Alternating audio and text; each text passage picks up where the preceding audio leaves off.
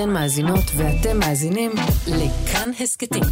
כאן הסכתים, הפודקאסטים של תאגיד השידור הישראלי.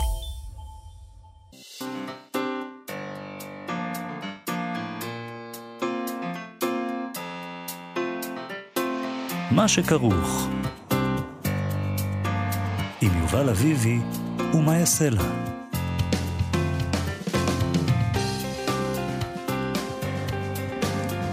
שלום, צהריים טובים, אנחנו מה שכרוך, מגזין הספרות היומי של כאן תרבות, כאן כל יום ב-12 בצהריים, בשידור חי, אתם מאזינים לנו ב-104.9 או ב-105.3 FM. אפשר גם להאזין לנו כהסכת באתר ובאפליקציה של כאן ובכל יישומוני ההסכתים. איתנו על ההפקה איתי אשת, על הביצוע הטכני אלעד זוהר. שלום לכם, שלום יובל אביבי. שלום מאיה, mm. שנה טובה. שנה טובה. בעוד יומיים נחגוג את ראש השנה. יומיים, נכון? כן. יומיים, אוטוטו.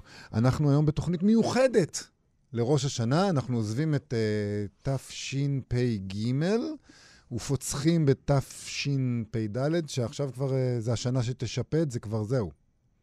זה, שנה כבר... לאנשים כמוני מטרנסילבניה. לשפד. שאוהבים לשפד.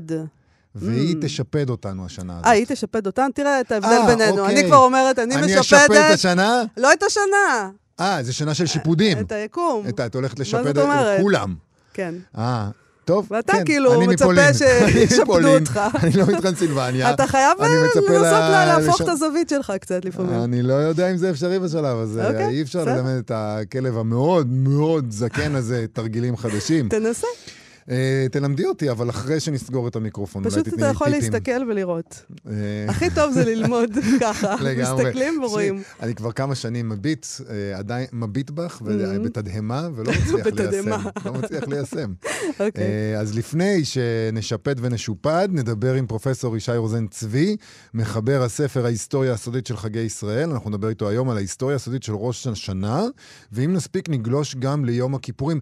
תשמעי, אה, אתה קורא בספר הזה ואתה מבין שאנחנו חוגגים את כל החגים לא נכון. מה זה לא נכון? לא, לא, לא, אנחנו חוגגים בסדר גמור. אנחנו חוגגים בסדר, אבל לא יש, שם, כלום, פשוט. יש שם הרבה דברים שאנחנו לא יודעים שזה מה שזה אומר. נכון. אה, אין, אין לנו מושג. אין לנו מושג, ומזל שיש אותו. מזל כי... שיש אקדמיה, כן. מזל שיש אנשים מלומדים. נכון. ומזל שאפשר לשוחח איתם. ושמסוגלים להסתכל על הדברים האלה, האלה בעין ביקורתית. כי לפעמים יש אנשים מאוד מלומדים בדברים האלה, אבל הם לא רוצים שנדע את כל הדקויות האלה. הוא מלמד אותנו דקויות שלא רוצים שנדע. ההיסטוריה סודית, זו סיבה שזה סוד, mm-hmm. זה סודי. נדבר גם עם החברותא שלנו, חיה גלבוע, הפינה קוראת לסדר, על uh, סוגיה מהתלמוד, נדבר על שופר. נכון, ממסכת uh, ראש השנה. כראוי, כן. כן. אבל לפני כל אלה, לקראת uh, ראש השנה, אה, ביקשנו מארבעה מתרגמות ומתרגמים לבחור ולקרוא עבורנו פסקה מספר שהם תרגמו, וגם להגיד לנו כמה מילים על הקטע הזה, שכיצד הם, אה, הוא קשור לשנה שחלפה או לשנה שעומדת בפתח. ואנחנו נתחיל את התוכנית שלנו עם הקטעים האלה, אה, עם דנה כספי, מתרגמת נהדרת משפות סקנדינביה, שבחרה עבורנו קטע מתוך הספר לונגיירביאן של היידי סוורייד. וואו, ש... יובל, רגע, בוא נעצור רגע, אמרת את זה כל כך יפה. אמרתי כל יפה? הכבוד, התאמנת? תכף אנחנו נשמע, קודם כל התאמנתי הרבה. מצוין. ותכף נשמע גם אם אמרתי את זה נכון, כי אוקיי. אה, זה נשמע כספי... לי נכון, האמת, מאיפה, מאיפה אני יכולה לדעת? זה נשמע מד... לי כמו שאתה דובר ניסיתי, אה, שוודית. ניסיתי לחקות את, ה... את מה שדנה כספי אומרת בקטע שתכף נשמע. אוקיי. אני לא בטוח שעשיתי את זה מושלם, אה, אבל בסדר, אה, היא תרגמה את הספר הזה לאחרונה עבור הוצאת ספריית רות. הוצאה נהדרת. הוצאה נהדרת, וזה נשמע גם. ספר נהדר. Mm-hmm. קיבלנו גם את הספר. נכון. וננצל את ראש השנה אולי לקרוא בו. בואו נשמע את uh, דנה כספי. לעומת זאת, טיוליה של אייבור הולכים ומתקצרים ככל שהימים סוגרים עליה. עם כל יום שחולף, חלון הדמדומים הקטן הולך ומתכווץ, ומרחב התנועה שלה מצטמצם בהתאם. היא לא מעיזה לצאת לטיולים ארוכים בחשיכה, גם לא עם יוסה, גם לא עם רובה ופנס ראש. החושך תמיד נראה לה נורא יותר עם פנס ראש. נדמה לה שיצורי הלילה מתקרבים ונדחקים אל קו האופק, בלתי נראים ואדירים. אבל האמת היא שאין כמעט סימני חיים. צווחות השכפים נעלמו ואיתן ציוץ הציפורים למטה על החוף, וההבזקים המבריקים של גבי הלוויתנים השחורים בים. נעלם גם צלילם של המים המפקים.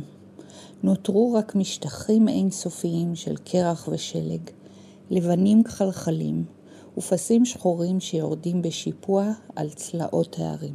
אני רוצה לספר על ספר שראה אור ממש עכשיו בספריית רות הנהדרת. אה, לספר קוראים לונגיירביאן, כתבה אותו הסופרת הנורבגית הצעירה יחסית, היידי סברייד, והוא מתרחש בשנות החמישים בלונגיירביאן, שהיא מין בירה, עיירה קטנה בקבוצת האיים סוולברד, מצפון לנורבגיה, אה, הרבה הרבה מעבר לחוג הארקטי.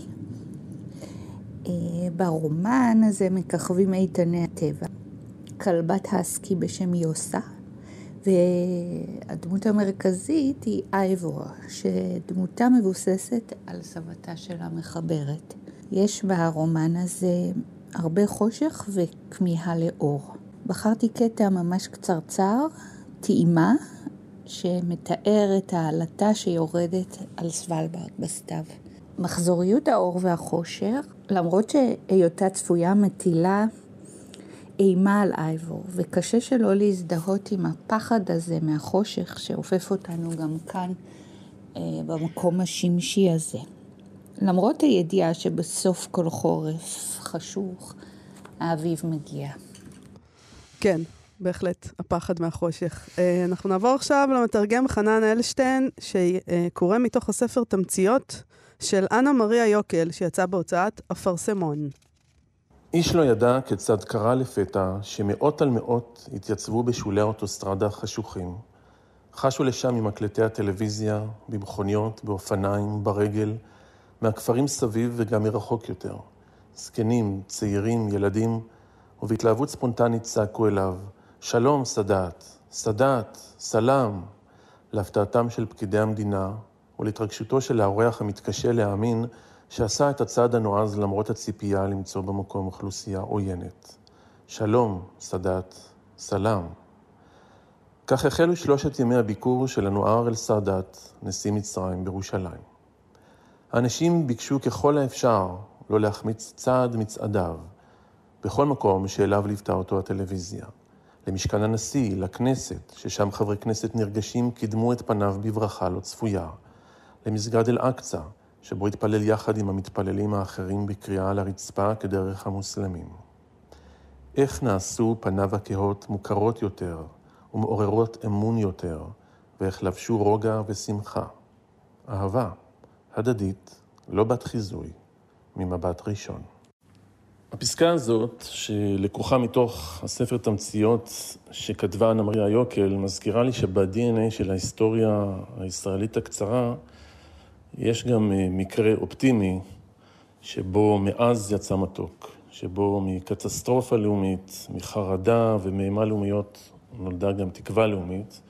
כמובן מדובר בהסכמי השלום עם מצרים, בעקבות מלחמת יום הכיפורים שהייתה קשה מנשוא וכמעט הסתיימה בחורבן. היום אנחנו נמצאים במצב אחר, אבל גם היום אנחנו יכולים להסתכל על מה שנעשה בסביבתנו ולדבר על קטסטרופה לאומית. ויכול להיות שמקטסטרופות לאומיות תיוולד תקווה לעתיד, למקום הזה. אפשר לקוות שזה לא יהיה כרוך בכך שבשנה הבאה תתרגש עלינו מלחמה אזורית כוללת או מלחמת אזרחים. אבל לעולם אין לדעת. אינשאללה. שים לב שדיברנו, אה, דנה כספי דיברה על אור, וחנן אלשטיין מדבר על תקווה, נותנים לנו צידנה על הדרך כן. של השנה החדשה. כן, נכון. אה, עוד צידה לדרך, אה, מצד המתרגמת דנה שם אור, שקוראת מתוך הנובלה ורד אדום ורד לבן של צ'אנג איילינג, שתראה אור בקרוב בהוצאת לוקוס. צ'אן באו הוסיף ללכת, שקוע ברחמים עצמיים. צלילי פסנתר בקעו מאחד הבתים. יד אחת בלבד לחצה לאט ובנוקשות על הקלידים, ונגנה מזמורים של חג המולד. המזמורים הללו נשמעים עליזים בתקופת החגים. אבל זו לא הייתה תקופת החגים. זו הייתה שעת אחר הצהריים ברחוב שקט ומואר ביום קיץ. התזמון היה שגוי לחלוטין. ג'אנבאו הרגיש שהוא לכוד בתוך חלום חסר פשר. מבלי שידע מדוע, אותן מלודיות עליזות שנוגנו ביד אחת, הטריפו דעתו. הקטע שזה עתה קראתי לכם, לקוח מתוך הנובלה ורד אדום ורד לבן של הסופרת הסינית ג'אנג איי לינג, שיראה בקרוב מאוד אור בהוצאת לוקוס. כיצד הוא מתקשר לשנה החדשה? ובכן, אפילו בקטע עצמו זוהי לא לחלוטין השנה החדשה, לא העברית ולא הלועזית. גיבור הנובלה, ג'אנג באו, משוטט לו ברחוב ביום קיץ, ושומע צלילי פסנתר, מזמורים של חג המולד, שכידוע, מתרחש ממש בפתח ראשית השנה הלועזית. אבל למה לכל הרוחות שמישהו ינגן באמצע הקיץ מזמורים של חג המולד? זוהי כלל לא התקופה. משהו שגוי כאן. האם אי פעם הייתם במצב רוח רע באמצע חודש יוני ושמעתם מאחד הבתים שירי חנוכה? האם זה גם הטריף את דעתכם? אוקיי, דנה שמעור, אה, משובבת נפש. ממש. מתרגמת מסינית. כן. זה, זה לא יחדל גם- להדהים אותי, הדבר הזה. איך רואים אבל שהיא פשוט אוהבת את הטקסט? נכון. נכון? ואיך שהיא נהנית. מקריאה, היא נהנית. נהנית ממנו, בדיוק. אז אה, כן, אה, אם זה, דיברנו על יוני, שבו שומעים שיר של חנוכה, אנחנו עוברים לאחרון, חביב, רונן סוניס הגאוני. אה, אפרופו שיגעונות ואיך הגשנו עם האטרף, הנה רונן סוניס. שלום יובל, שלום מאיה. אה, אני רוצה לקרוא לכם משהו מספר שאני עובד עליו אה, עכשיו. איך זה קשור לשנה שעברה? זה קשור בעיקר כי חיפשתי משהו אסקפיסטי.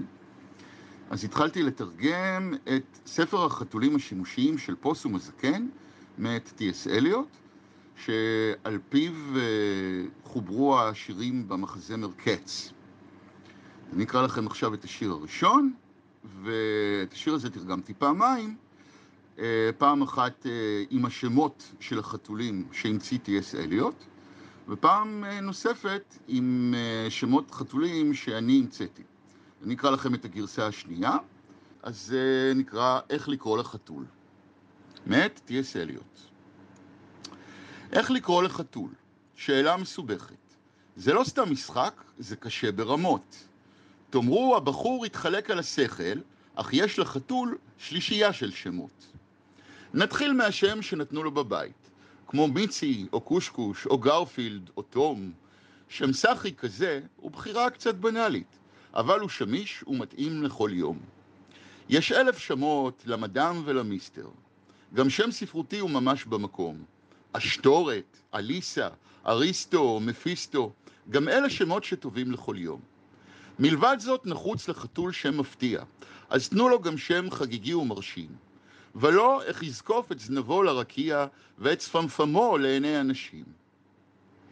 הציעו לו שם ייחודי כפתית שלג, כמו שנץ או יופז, בתלילית או שלופחד, שונשון רך, אלבוב, פרבוטל או דלדלג, שם חד חתולי ויחיד ומיוחד. רק אל תחשבו שגמרנו וזהו. נשאר עוד השם שאף איש לא חלם, כי רק החתול בעצמו ידעהו, והוא לא יחשוף את סודו לעולם. ואם חתולכם מש- משתרע ברוגע, כולו מאוהר ובקושי נושם, זאת לא מדיטציה ובטח לא יוגה. על מה הוא חושב שם למען השם? על שמו התמיר והבלתי אמיר, על שמו העמוק ומופלא מכל שם. גם הוא נהנה, רונן סוניס. מאוד. ללא ספק. וגם אנחנו נהנים. יופז. אני גם מת על זה גם ששם ולמען השם, זה עובד כל כך טוב בעברית.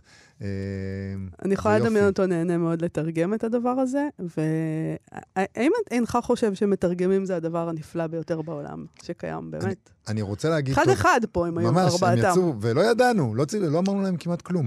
אה, אני רוצה להגיד שבאמת, אה, זה אנשים שנותנים לנו את המתנות הכי גדולות. באמת. כמו אמרנו את זה כשרמה אילון זכתה לאחרונה בפרס, אה, ופשוט האנשים האלה, שבזכותם אנחנו יכולים לקרוא את כל הדברים האלה. וגם כאילו מבחינתי, בעולם של היום, שבו לאף אחד לא אכפת ואף אחד לא קורא, כאילו, זה מעטים בוא נגיד, אז כאילו יש איזה, איזה, איזה מעשה אקצנטרי כזה לתרגם. לשבת. רדיקלי. זה מאוד מאוד רדיקלי, וחייבים לאהוב את זה. חייבים לאהוב את זה. פשוט מאוד. תודה בוא לכל מי נשמע שהשתתף. כמה צלילים ונתקדם.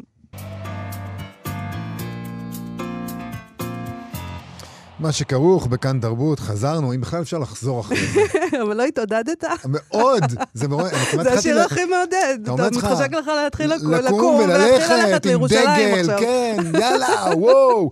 אמ, אבל אז אתה נזכר ואתה מתיישב, אתה לא יכול... אה, צריך לעשות משהו עם כל האנרגיה הזאת.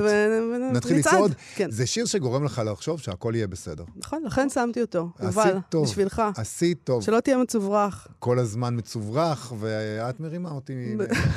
זה. נהדר. תפקיד קשה. וזה טוב שאת עושה את זה, כי זה דווקא היום, כי זו תוכנית מיוחדת לקראת ראש השנה, והכל הכל משתלב לנו היטב, ואנחנו מנסים להבין עכשיו את החג הזה. אה, פנינו לבלש החגים שלנו, פרופסור ישי רוזן צבי, ראש החוג לפילוסופיה יהודית ותלמוד באוניברסיטת תל אביב, עמית מחקר במכון שלום הרטמן בירושלים, ובעיקר עבורנו מחבר הספר ההיסטוריה הסודית של חגי ישראל, שיצא בהוצאת כנרת זמורה.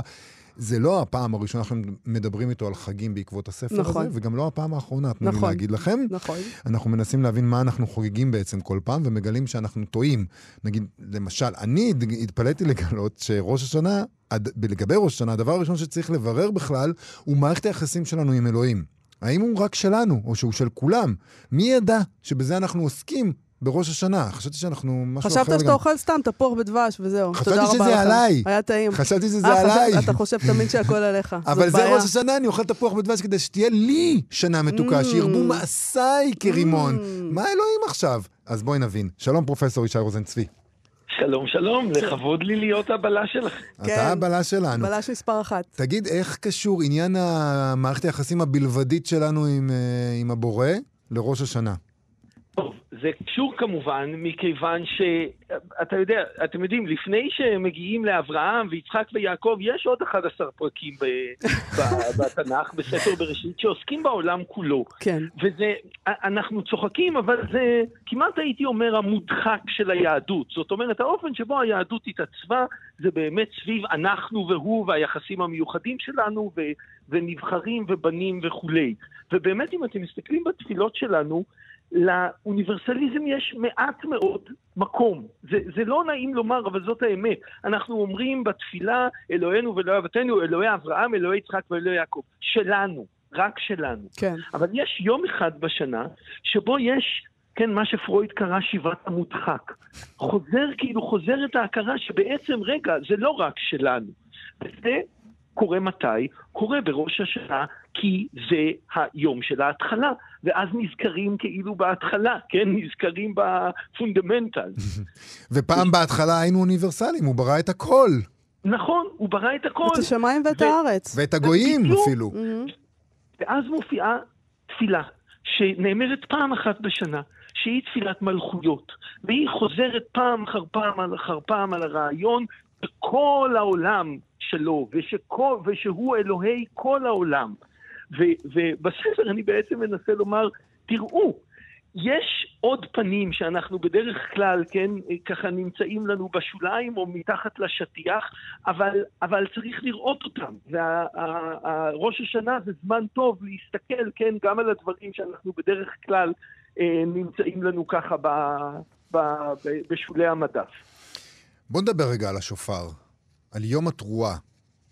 מה, מה, אני, אני גם כן, שוב, יש דברים כאלה שנדמים לך שאתה מבין אותם. שופר, אתה יודע, אתה יודע, זה נשמע מובן מאליו, אבל בספר שלך כל דבר מובן מאליו. אתה, אתה מערער לנו אותו, אתה עושה לנו אותו, אתה, אתם בכלל לא ידעתם למה אנחנו תוקעים בשופר, ו... כן, למה אנחנו תוקעים למה תוקעים בשופר? בשופר? מהו יום התרועה או. הזה? שאלה מצוינת. האמת היא שאנחנו לא יודעים למה אנחנו תוקעים בשופר. Mm. כי התורה לא אומרת לנו, היא אומרת שבראשון לחודש השביעי, יום תרועה יהיה לכם. למה יום תרועה? אנחנו לא יודעים. אז פעם אחרת, שנייה נאמר בתורה, זיכרון תרועה. אז כנראה שזה כבר איזו פרשנות קדומה שאומרת למה תרועה? תרועה כדי להיזכר. להיזכר לפני, לפני הקדוש ברוך הוא. זאת אומרת, תוקעים לו ואז הוא, כן, הוא נזכר ש... שאנחנו שם. זאת אומרת, אנחנו-. אנחנו עושים את זה בשבילו, אנחנו רוצים או, להגיד לו, הלו, לו. אנחנו פה. פרשנות, אבל הפרשנות התיאולוגית היא כנראה כבר משנית. כנראה בהתחלה זה התחיל משהו מאוד צנוע. למה תוקעים בשופר? כדי לכנס את כולם. Mm. זאת אומרת, לקראת החגים הבאים, העיקר הוא יום כיפור וסוכות. ובראש השנה בעצם מתכנסים הנביא יואל אומר, תקעו שופר, קדשו צום, קראו עצרה. זה בר הסלטים לפני המנה. העיקרית, ראש השנה. בדיוק, אבל כמובן, מה, מה, מה מרתק בחגים? שהם כל הזמן סופחים עוד ועוד משמעויות. אז ברגע שיש שם את השופר הזה במערכה הראשונה, כן, ברור שהוא אה, ילך ויתעצם ויתעבה ויהפוך להיות, כן, מוקד, ה, מוקד ההצגה. וזה באמת מה שהוא קורה, מה שקורה. עכשיו, השלב הבא הוא כאשר האחד לחודש השביעי, הראשון לחודש השביעי, הופך להיות ראש השנה. כי בתורה הוא לא ראש השנה. מה זה ראש השנה בתורה?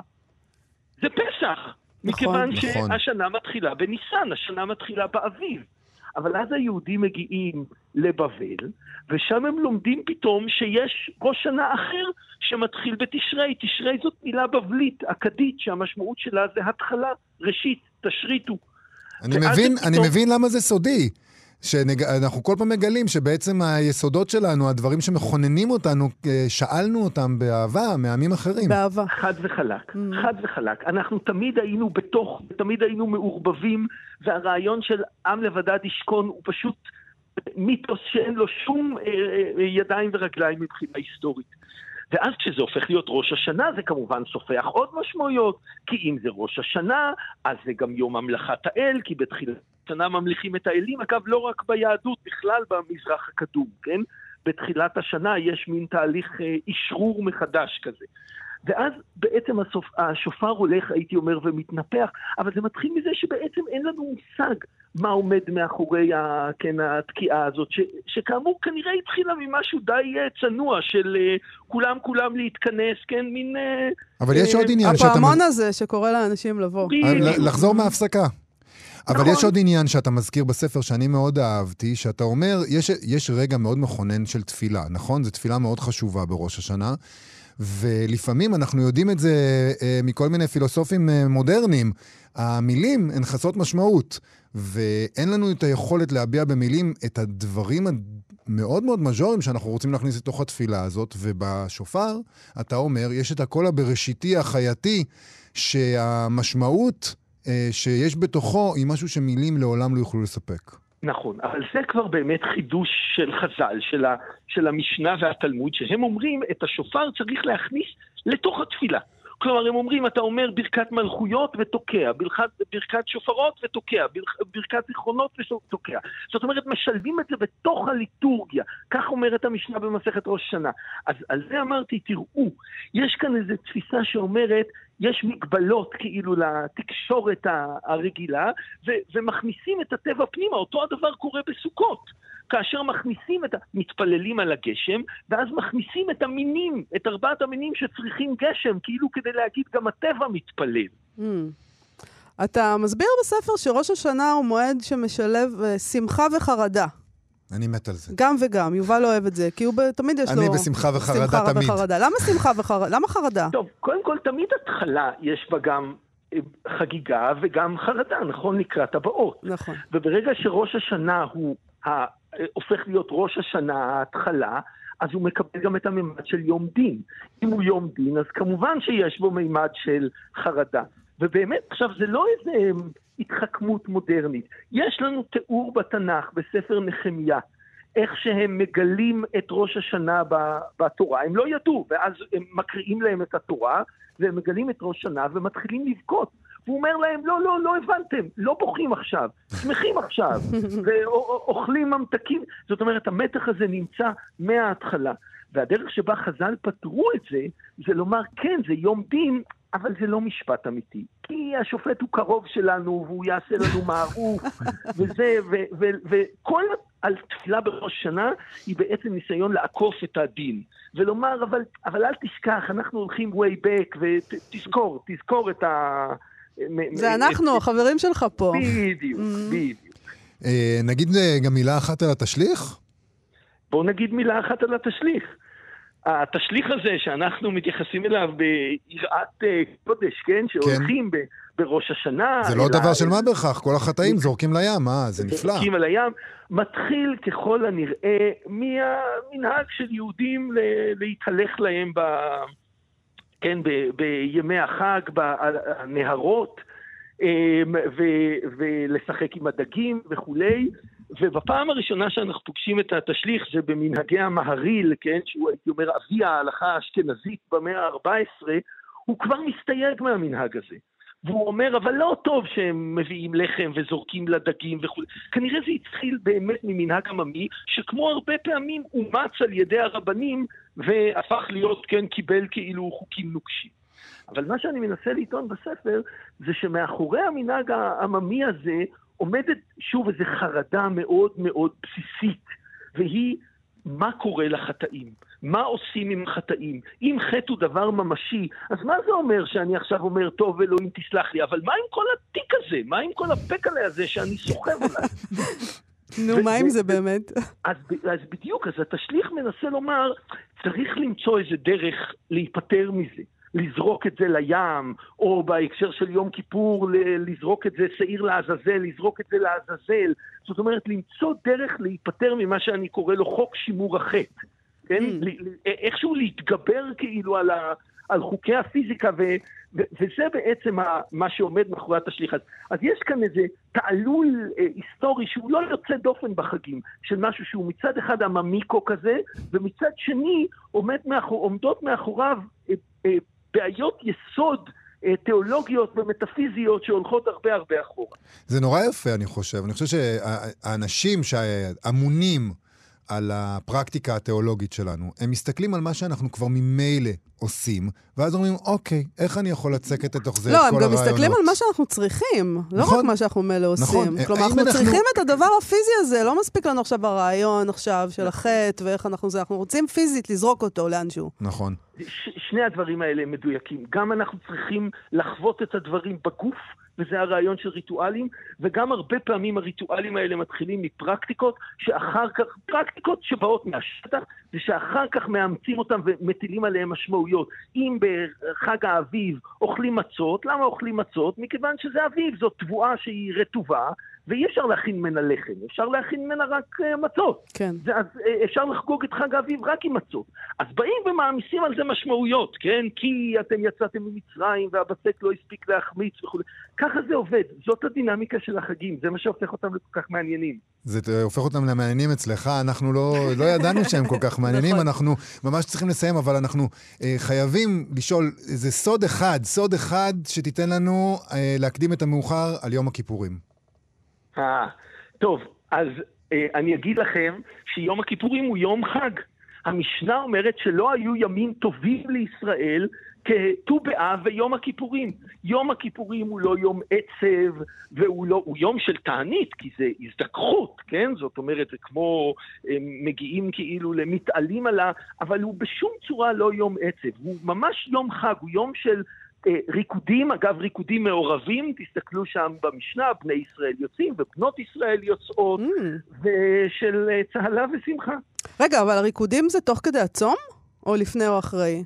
אז המשנה אומרת במפורש שביום הכיפורים, לא, לא, ביום עצמו בני ישראל יוצאים ובנות ישראל יוצאים, זה יום של חג, זה יום טוב. טוב, נכון האמת כשחושבים על זה, כי זה היום שבו מוחלים לך, ואתה הולך ואתה יוצא נקי. טהור, אתה אתה מזוכח. יוצא כן, טהור? מה יכול להיות אה, יותר טוב מזה?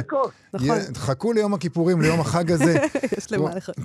פרופסור ישי רוזן צבי, ההיסטוריה הסודית של ראש השנה. אנחנו מחכים כבר לחגים הבאים כדי להמשיך ולחקור איתך את הסודות האלה. תודה רבה לך על השיחה הזאת. תודה, חג שמח. חג שמח. שנה טובה. עכשיו, במה שכרוך. קוראת לסדר. מה שכרוך בכאן תרבות, כן, זה אנחנו, וחזרנו. אה, אנחנו עם תוכנית לקראת ראש השנה תשפ"ד, את יכולה להגיד תשפט בבקשה? ראש השנה תשפ"ד, ואנחנו ממשיכים עם השופר בפינה, קוראת לסדר, עם החברותא שלנו, חיה גלבוע, שאיתה אנחנו לומדים קצת תלמוד. אה, היום אה, מסכת ראש השנה, שלום חיה גלבוע.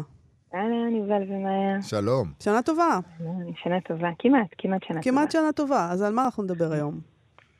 אז אנחנו נקרא עם סוגיה ממסכת ראש השנה, שהיא מתעסקת בסאונד של הלב השבור. והיא, אני חושבת שהיא מביאה דיון נורא מעניין של החכמים, כי הם מנסים למצוא את ההבדל בין יללה, שבר וגניחה.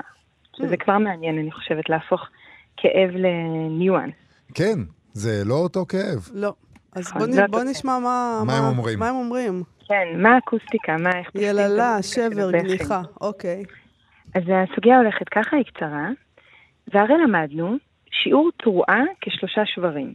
אמר אביי, יש מחלוקת, כפי שכתוב יום תרועה יהיה לכם, ומתרגמים יום יבבה יהיה לכם, וכתוב לגבי אם סיסרא, בעד החלון נשקפה ותייבב אם סיסרא. מישהו סבר גניחה, ומישהו סבר יללה. אז אה, תרגמתי את זה מארמית on the go. Mm-hmm. אז, אה, אז זאת הסוגיה, שהיא קצרה, אבל אני חושבת שהיא מחזיקה משהו מאוד מאוד עמוק. אז אולי רק להגיד משהו קצר, כי משתמשים פה בסוגיה במילה יום תרועה, שזאת מילה מהמקרא. ובמסורת שאנחנו מכירים, היום לראש השנה יש מקום מאוד מרכזי בתודעה שלנו. הוא נחשב לחג שפותח את השנה, או ליום שבו האדם מתייצב מול האל או מול עצמו, אבל, והפרקטיקה המרכזית היא שמיעת השופר והתפילה. אבל במקרא, בתורה, כל זה לא מופיע. ראש השנה נקרא רק יום תרועה, ואין שם כל הסיפור של, ה, של יום הדין ולא תקיעת שופר, ובטח לא תחילת שנה, כי בתורה החג שמתחיל את השנה הוא פסח. מהמם. אבל מכל מיני סיבות פוליטיות שלא ניכנס אליהן עכשיו, החכמים של התלמוד מאוד מעוניינים למצב את החג הזה כחג מרכזי, ובסוגיה שקראנו, הם כבר מכירים את הפרקטיקה של השופר, והם מנסים להגיד, אז גם מה הצליל המדויק שהשופר צריך להפיק, וגם הם שואלים, שזאת שאלה מדהימה, איזה רגש הצליל הזה אמור לעורר במי ששומע אותו. זה מדהים, כי, ו, והם גם אומרים, הם, אני מניח, שעל זה אנחנו תכף נדבר, הם גם אומרים, כל דבר שמוציא צליל, הניואנסים של הצליל הם הרי גורל, כי הרי גניחה ויללה, שניהם מדמות, שתיהן מדמות כאב, אבל זה לא אותו כאב, וזה לא, אותו, זה לא אותה פרקטיקה של כאב. נכון, נכון, אני חושבת שיש פה ממש שפה של פרפורמנס. כי תחשוב על זה גם באומנות של הבמה, צריך להיות מאוד מדויקים עם כל דבר מביאים, כי הוא אמור לשרת את התודעה של מי שצופה. ובהמשך באמת הסוגיה, שלא נקרא אותה היום, הם שואלים על החלל, על המיקום, על האקוסטיקה. כאילו יש פה באמת שיחה שהיא נורא מיוחדת בהקשר הזה. ומה הם מכריעים? כן, מה, מה, מה, מה השופר צריך לבטא? אז בעצם כשממפים את כל הסוגים של הכאב שהשופר יכול לבטא, אביי, שהוא הדמות בסוגיה, אומר לחכמים, רגע, יש לנו בתרבות קול, שהוא, אפשר לקרוא לו הארכיטיפ של הכאב, והקול הזה הוא קול שמיוחס לאימא, שמחכה לבן שלה שלא מגיע. כן. ולא סתם אימא, אימא שמחכה לבן שהוא האויב שלא מגיע. ו- וזה, אני חושבת, ה- מה שהופך את הסוגיה הזאת לנורא מעניינת. אז הוא מדבר על, על מישהי שנקראת אם סיסרא, שזה, אם אנחנו נפתח את uh, ספר שופטים, מתוארת שם מלחמה בין חצור לישראל. זה סיפור מאוד מאוד נשי. יש את uh, דבורה, היא השופטת, אישה מאוד מרשימה שמתכננת את הקרב. יש דמות בשם יעל, שהיא זאת שהורגת את שר הצבא, סיסרא. היא לא יהודייה, היא משבט שנמצא ליד. ויש את האימא של סיסרא שמחכה. ואפשר ממש לראות שבתוך המשולש הזה, שמחזיק אה, אה, שכל, אומץ ורגש, יש את ה... כלוא הסיפור. ויש שם רגע שבאמת אה, ברק, שהוא הגנרל העברי, חוזר עם הראש של, חוזר עם סיסרא בעצם. ואפשר ממש לדמיין איך אה, דבורה מקבלת את כל ההון הפוליטי מתוך הניצחון, וברק ויעל זוכה להכרה. ואז ספר שופטים, זה מדהים, זה נורא לירי הטקסט שם. כאילו שם את המצלמה על, על אימא של סיסרא, שלא עוזבת את החלון, והיא מחכה לבן שלה שיחזור. וזה תיאור מדהים, היא, היא כאילו ממש שואלת, אה, למה הוא לא מגיע? וכל סאונד שהיא שומעת, היא אומרת, אולי זה הוא. וכל נקודה שהיא רואה במרחב, היא אומרת, אולי, אולי. וממש אפשר להרגיש את הפער בין השכל, שכנראה כבר רציונלית מנתח ואומר, הוא לא יחזור, לעומת הלב של אימא, שאימא תמיד תחכה לילד שלה, גם כשהיא יודעת שהוא לא בא. אז זה הכל בעצם שאמור אה, השופר לדמות, את, ה, את כן. הדבר הזה? כן, אביי בעצם אומר, התוקע בשופר, צריך כשהוא מצמיד את השפתיים לנקב של השופר, לפייה, אם הוא יכול לנסות לדמיין את הצער הזה של האימא, וכשהוא עושה את הסאונד, זה הסאונד שהשופר אמור להפיק. קול של לב שמחכה לבן שיגיע. הבן שיודעת שהוא לא יחזור. זה- ולב, ולב של אויב, זאת אומרת, זה להכניס את הצער של האויב לתוך השיקולים שלנו גם. כן, להגיד לכל אויב יש גם אימא. תשמעי, זה מהמם, אה, זה מאוד מאוד יפה.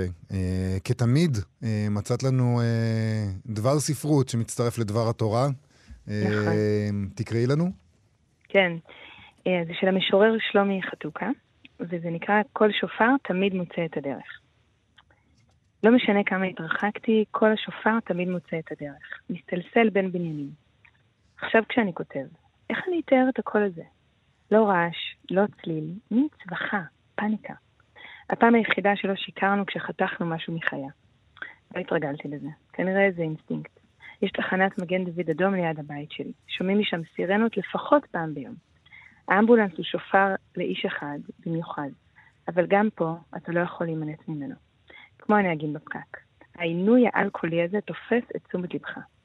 השופר מרעיד אותך על מה יהיה, והאמבולנס באופן מוזר דווקא מזכיר לך לברך על מה שיש. לא יודע מה מפחיד אותי יותר. בתקופה משוגעת, מטורפת, המגפה הציתה בנו מגפה אחרת. מרוב שופרות אתה כבר לא יודע מה האמת. רק זה שהפחד הוא זעקה כבושה, שיכולה לגרום לנו לעשות הכל. דוד שלי נפטר מקורונה. כמה צער לופת אותי כשאני מבין שהוא איננו. אני אחוז געגועים לחיבוקיו ולקולו. בדיוק ראיתי סרט על 9-11, על הקורבנות שנותרו. אשתו של כבאי שנהרג הקשיבה בדממה שוב ושוב לברכת השלום של בעלה במשיבון לפני שנסע, להציל לכודים. היא בטח שיגעה את עצמה, היא יודעת, אבל איך אפשר לעמוד מול הקריאה הזאת של אהבה? ככה אנחנו צריכים שירעידו אותנו. ככה אנחנו צריכים שירעידו אותנו. זה טוב לזכור את זה לקראת השנה החדשה ואחרי השנה שחלפה. חיה גלבוע, תודה רבה לך על הפינה הזאת. שנה תודה. טובה. שנה טובה. חג שמח. ביי ביי. להתראות.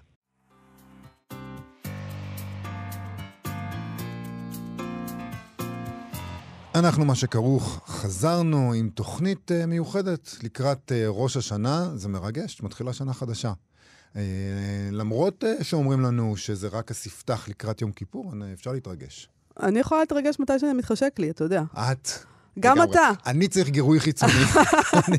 ראש השנה, זה ראש השנה, מתחילים. איזשהו גושפנקה מהתאריך בשביל אה, להתרגש, סתם ככה מעצמו אסור. התרגשת, נגיד, ב-1 בספטמבר? התרגשת? כי מתחילה שנת הלימודים וכל זה? בדרך אה, כלל אני לא זה- מתרגש, אבל הילדה שלי הילדה שלך, הקטנה נכון, עלתה נכון. לכיתה א', אוקיי. ו... אבל. כשלעצמך, נגיד לפני שהיא הייתה בגן וזה, אז אז זה תאריך כזה משמעותי מבחינתך? 1 לא. בספטמבר? לא. לא. הייתי, אני זוכר שהייתי מאוד מאוד לחוץ כשהתחילה שנת הלימודים, אה, רגע, אפשר תלמיד. לשאול... אה, כן, לחוץ, תשאלי מה שאת ברור. רוצה. זה מרחב בטוח פה. אף אחד לא אז מאזין. שכחתי לשאול אותך, הבת שלך עלתה לכיתה א', נכון מאוד. בכית? הזלת דמעה? הזלתי דמעה. אמ, יש רגע אתה כזה... בן אדם בכל זאת. אני בסוף, זה, אני הכל מנוילן, אבל את יודעת, מכירה את זה, שנגיד, אה, יש לך גבס, ואומרים לך לא להרטיב אותו, ותשים עליו ניילון נצמד כשאתה נכנס למקלחת, ואתה כן. אתה עושה את זה, ואתה שם עם האיזולירבן של ה-M16 מהתוכניות הקודמות, כן. ואתה מהדק, ודי יבש יוצא, די יבש. אבל הרטיבות נכנסת לגבס. הבנתי. ככה זה, אה, ככה הנעילון של הלב שלי. נרטבו עיניך יש. רגע שבו אתה קולט שהם אמיצים. זה הרגע ששובר. לא ההתחלה, לא הזה. זה שהיא הולכת. שהיא הולכת וואו, והיא אמיצה, כן. והיא זורקת מבט אחורה בחיוך, ובחיוך הזה יש קצת פחד, אבל מתגבר. זה הרגע שאתה אומר לעצמך, איי, זה פוגע לי, זה זה כואב, עבר- כן, זה כואב. זה חורר את הנעילון. מהמם. אבל uh, זה, זה מדהים, זה מדהים. הם מתחילים לקרוא, הם כבר מתחילים לקרוא, זה מטורף. עוד לא עברה שב, לא עברה שבוע מאז שהתחילה שנת הלימודים, הם כבר באים ואומרים לך. זה מדהים. אה, זה יפה שבאמת מלמדים שם בבתי כן, הספר. כן, כן, מלמדים דברים. זה מרגש. לפחות בבית ספר שהילדים שלי הולכים אליו. סטטוס ספרותי, יובל. כן, סטטוס ספרותי לראש השנה, אה, כמעט בלתי קשור לבת שלי, אבל אני נמצא איזה קשר. אה, סטטוס אה, ספרותי של ראש המחלקה לספרות עם ישראל באוניברסיטת בר אילן, פרופסור ורד טוהר. היא מברכת את התלמידים לראש השנה, והיא עושה את זה בדרך מאוד מיוחדת. ונקרא את הדרך שבה היא עושה את זה. היא כותבת כך: בתאריך חמישה בספטמבר 2023 נפתח בבית החולים רמב"ם שבחיפה בית מרקחת פואטי. כדי להעניק לציבור הרחב, מטופלים ומשפחותיהם, וכן עובדי בית החולים בכל הדרגים, שירים מותאמים אישית לפי צורך רגשי. צוות בית המרקחת הפואטי פעל בשלוש עמדות שונות ברחבי בית החולים, הציע לפונים שאלון קצר המאבחן את הרגש או התחושה שהם חשים באותו בוקר באופן העז ביותר, למשל, עצב, בדידות, געגוע, דאגה או אומץ, והתאים לדיאגנוזה שיר שנמסר מגולגל בתוך מבחנה באחת מבין שלוש שפות, עברית, ערבית או רוסית. מייק שולץ, מנהל השירות ליווי רוחני של בית החולים שיש דבר כזה. מסתבר. אני שמח יפה. לשמוע. מהמם. אני ממש שמח לשמוע. זה דבר uh, שנראה טריוויאלי בעצם, נכון? ליווי רוחני בבית חולים. לא אבל טריוויאלי לא טריוויאלי בכלל. בכלל. לא. אז uh, הוא קיים את הפעילות, מייק שולץ. הוא סיפר שהתגובות של מטופלי העמדות של בית המרקחת היו מאוד מרגשות, מפני שהם הסכימו להביע צורך רגשי אותנטי וקיבלו בתמורה תשומת לב ממוקדת שסייעה לדבריהם לשפר את הרגשתם. הם רק רוצים שמישהו ישאל אותם איך אתם, איך אתם מרגישים, לא רק מה כואב לכם. לא אם הטיפול עבד, איך אתם מרגישים? זה מדהים. Uh, לעמדות הגיעו מטופלים שביקשו נחמה, אבל גם בני משפחה שביקשו שיר עבור יקיריהם, ולא מעט מעובדי בית החולים, שזקוקים, מסתבר, גם הם לחיזוק בעצמם. לא צריך יותר מכמה דקות של יחס, היא כותבת, כדי להיטיב תחושות ורגשות, ככה הוא אמר. במיוחד היה משמעותי לספק שירים גם בערבית וברוסית. ראינו כמה המבקרים התרגשו לקבל שיר בשפת האם שלהם מאת טובי המשוררים בלשונם. שזה גם כן דבר. שלכאורה הוא טריוויאלי, אבל כל כך כל כך לא. והיא ממשיכה וכותבת כך לקראת ראש השנה ולתלמידים שלה. סיפור קטן זה של בית החולים רמב"ם מלמד, בין היתר, אילו עוצמות טמונות בספרות ואיזה כוח יש לה. בעידן שבו מדעי הרוח נתונים למתקפה תמידית ומצויים בעמדת התגוננות מול כוחות תועלתניים, הניסוי הקטן הזה מלמד שבני האדם זקוקים לשירה, מעריכים שירה, נתמכים רגשית באמצעות שירה ומתרגשים משירה. הניסוי הזה גם מלמד שקוראים משוועים לספרות אשר עונה על צורך ממשי, ושאוצרות תר... רוח תרבותיים מעוררים רגשות עזים כשהחשיפה אליהם נעשית בתוך קונטקסט משמעותי. כמו כן מוכיח ניסוי זה שבני אדם כמהים להבין את עצמם ואת עולמם מפרספקטיבות של רוח, נפש, רגש וחוויה. וזה הכל נכון. פרופסור ורד תואר, מאוד יפה כתבת, נכון. הכל נכון. אני רוצה עוד להתעסק בדבר הזה. הללויה. בבית, בבית המרקחת הפואטי. אנחנו עוד נדבר על זה בהמשך, בסדר? בסדר גמור. עד כאן תוכניתנו החגיגית לראש השנה. תודה רבה לאיתי אשת על ההפקה ולאלעד זוהר על הביצוע הטכני. בואו לבקר בעמוד הפייסבוק שלנו. אה, מחר אנחנו נשדר כמובן את המיטב. נכון. כמו בכל יום חמישי. אבל אה, לוח השידורים השתנה, המיטב הזה שלנו משודר בימי חמישי בשבע בבוקר עכשיו, אז אם אתם השכמתם קום ואתם לא יודעים מה לעשות, בבקשה, הנה, אנחנו נהיה שם. אה, חג שמח ושנה טובה לך, יובל, חג ומאזינים שמח ושנה ומאזינות. טובה לך ולכולם. תודה רבה לך על הברכה הזאת. אני מקווה שתהיה שנה טובה. ברור שתהיה שנה טובה, בעזרת אומר- השם. אם את אומרת, אני מאמין. להתראות. אתם מאזינים לכאן הסכתים, הפודקאסטים של תאגיד השידור הישראלי.